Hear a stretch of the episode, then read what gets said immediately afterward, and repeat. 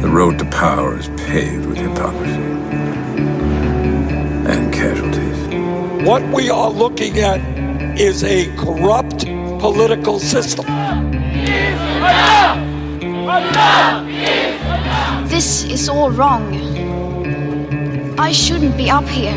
I say to the leader of the opposition, I will not be lectured about sexism and misogyny by this man. And yes, together we will make America great again. Crowd are people who believe in some conspiracy theories that are so broad and often bizarre, it's difficult to believe, to put it mildly. The Pentagon declassifying three videos of what they're calling unexplained aerial phenomena.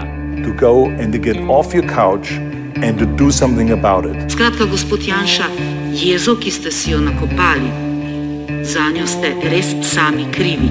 Gre za to, da je nujno, da vlada odstopi čim prej. Kampanja X, Y.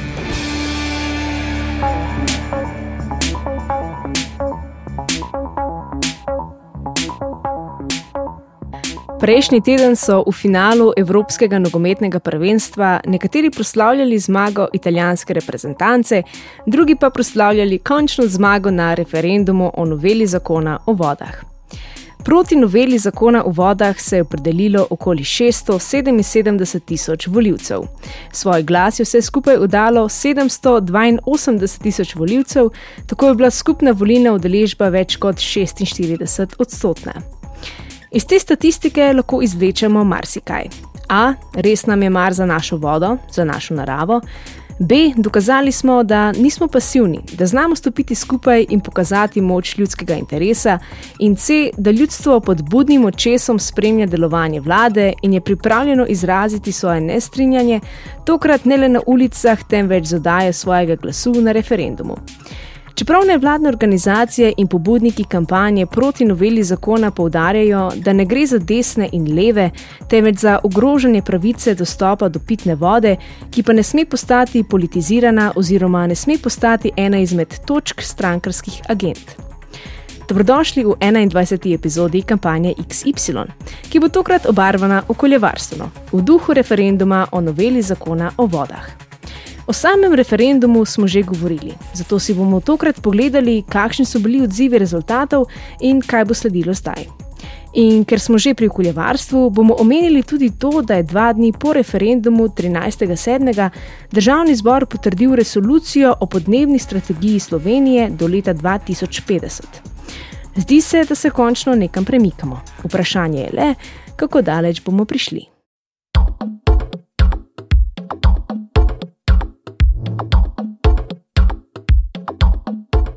Voda še vedno teče in dež bo še naprej padal. To je bil odziv ministra Andreja Vizjaka, ki je sporočil, da se politična slika v koaliciji ničkaj ne bo spremenila.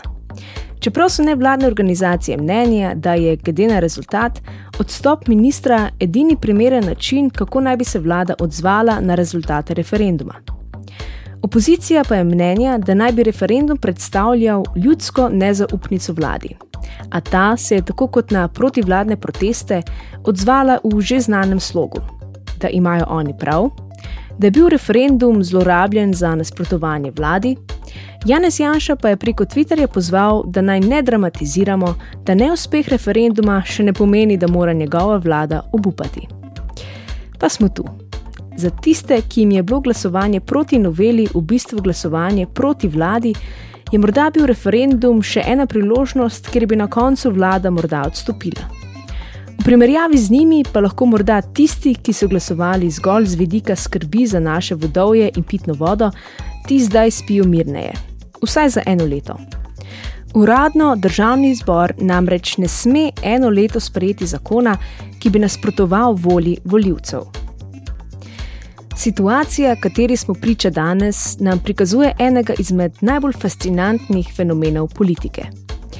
Pod pretvezo zakonodajnega referenduma se je odvil politični trg med desnimi in levimi, čeprav tega nobeden, ne en, ne drug, ni neposredno izjavil, dokler niso bili razglašeni rezultati. In posledice? Opozicija že potiho, a dokaj glasno, namiguje, da bi ponovno vložili konstruktivno nezaupnico In vse kaže, da bo ta referendum imel še kako velik pomen na političnem parketu, čeprav to sploh ni bil prvoten namen. Mimo grede, če potrebujete hitro pojasnilo o tem, kaj je to konstruktivna nezaupnica, prisluhnite osmi epizodi kampanje XY z naslovom Cool Generacija. Morda vam bo aktualno dogajanje v opoziciji postalo bolj jasno.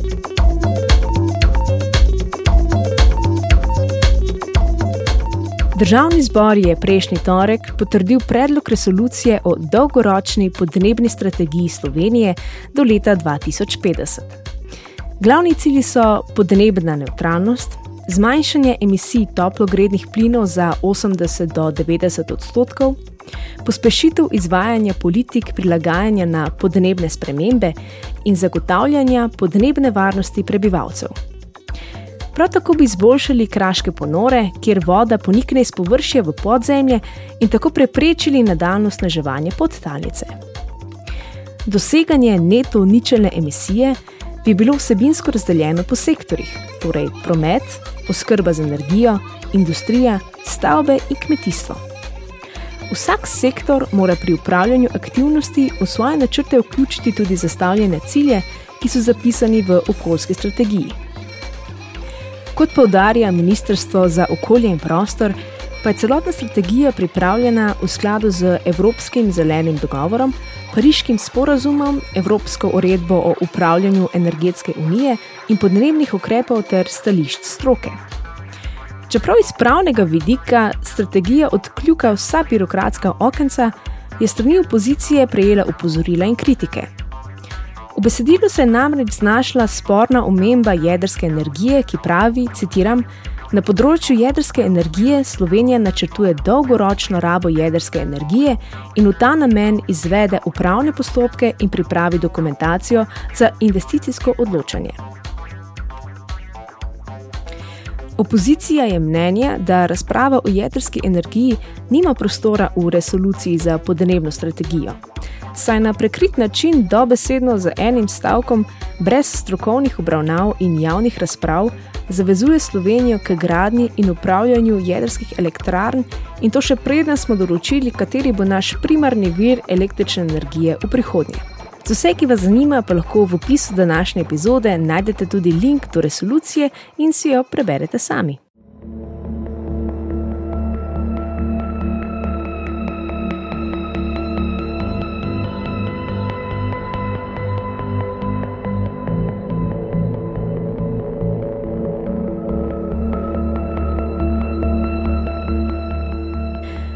Okoljske problematike se tičejo nas vseh in to še kako dobro vemo vsi. Morda je to tudi eden izmed razlogov za tako množično volilno udeležbo. Gre za temo, ki se res dotakne vseh nas: voda, a.k.a. vir življenja. Okvirjanje okoljskih problematik z namenom spodbujanja motivov za družbeno angažiranost družbe ni nič novega. V zeleni politiki se izraža skrb za naše okolje, In to naj bi bila skupna točka vseh nas, ne glede na politični pol. A vendar se tudi v zeleni politiki iščejo krivci za legitimizacijo nastalih problemov. Kdo je kriv, da se topijo ledeniki, kdo je kriv, da voda ni pitna, kdo je kriv za podnebne spremembe in podobno. In najpogosteje smo priča motivu kapital versus ljudski interes. Skoraj vse okoljevarstvene debate se nekako končajo z zaključkom, da če želimo narediti korenite spremembe, moramo spremeniti kapitalistični sistem in pika. Kapitalizem in okoljevarstvo sta protislovje. In to smo dokazali na referendumu, črno na belem. Ne gre za protivladno, temveč protikapitalistično. Lahko si zadanemo cilje, da postanemo podnebno neutralni, zmanjšamo emisije, Dajemo si čas vse do leta 2050. Vse to zapišemo, podpišemo in rečemo, da prevzamemo odgovornost in da smo pripravljeni, da se soočimo z okoljskimi problematikami. Prej ali slej bomo spet pristali pred še eno novelo zakona o vodah ali o gozdovih, morda o zraku, ki ga dihamo. S tem v mislih lahko gledamo na zeleno politiko drugače, morda bolj strogo.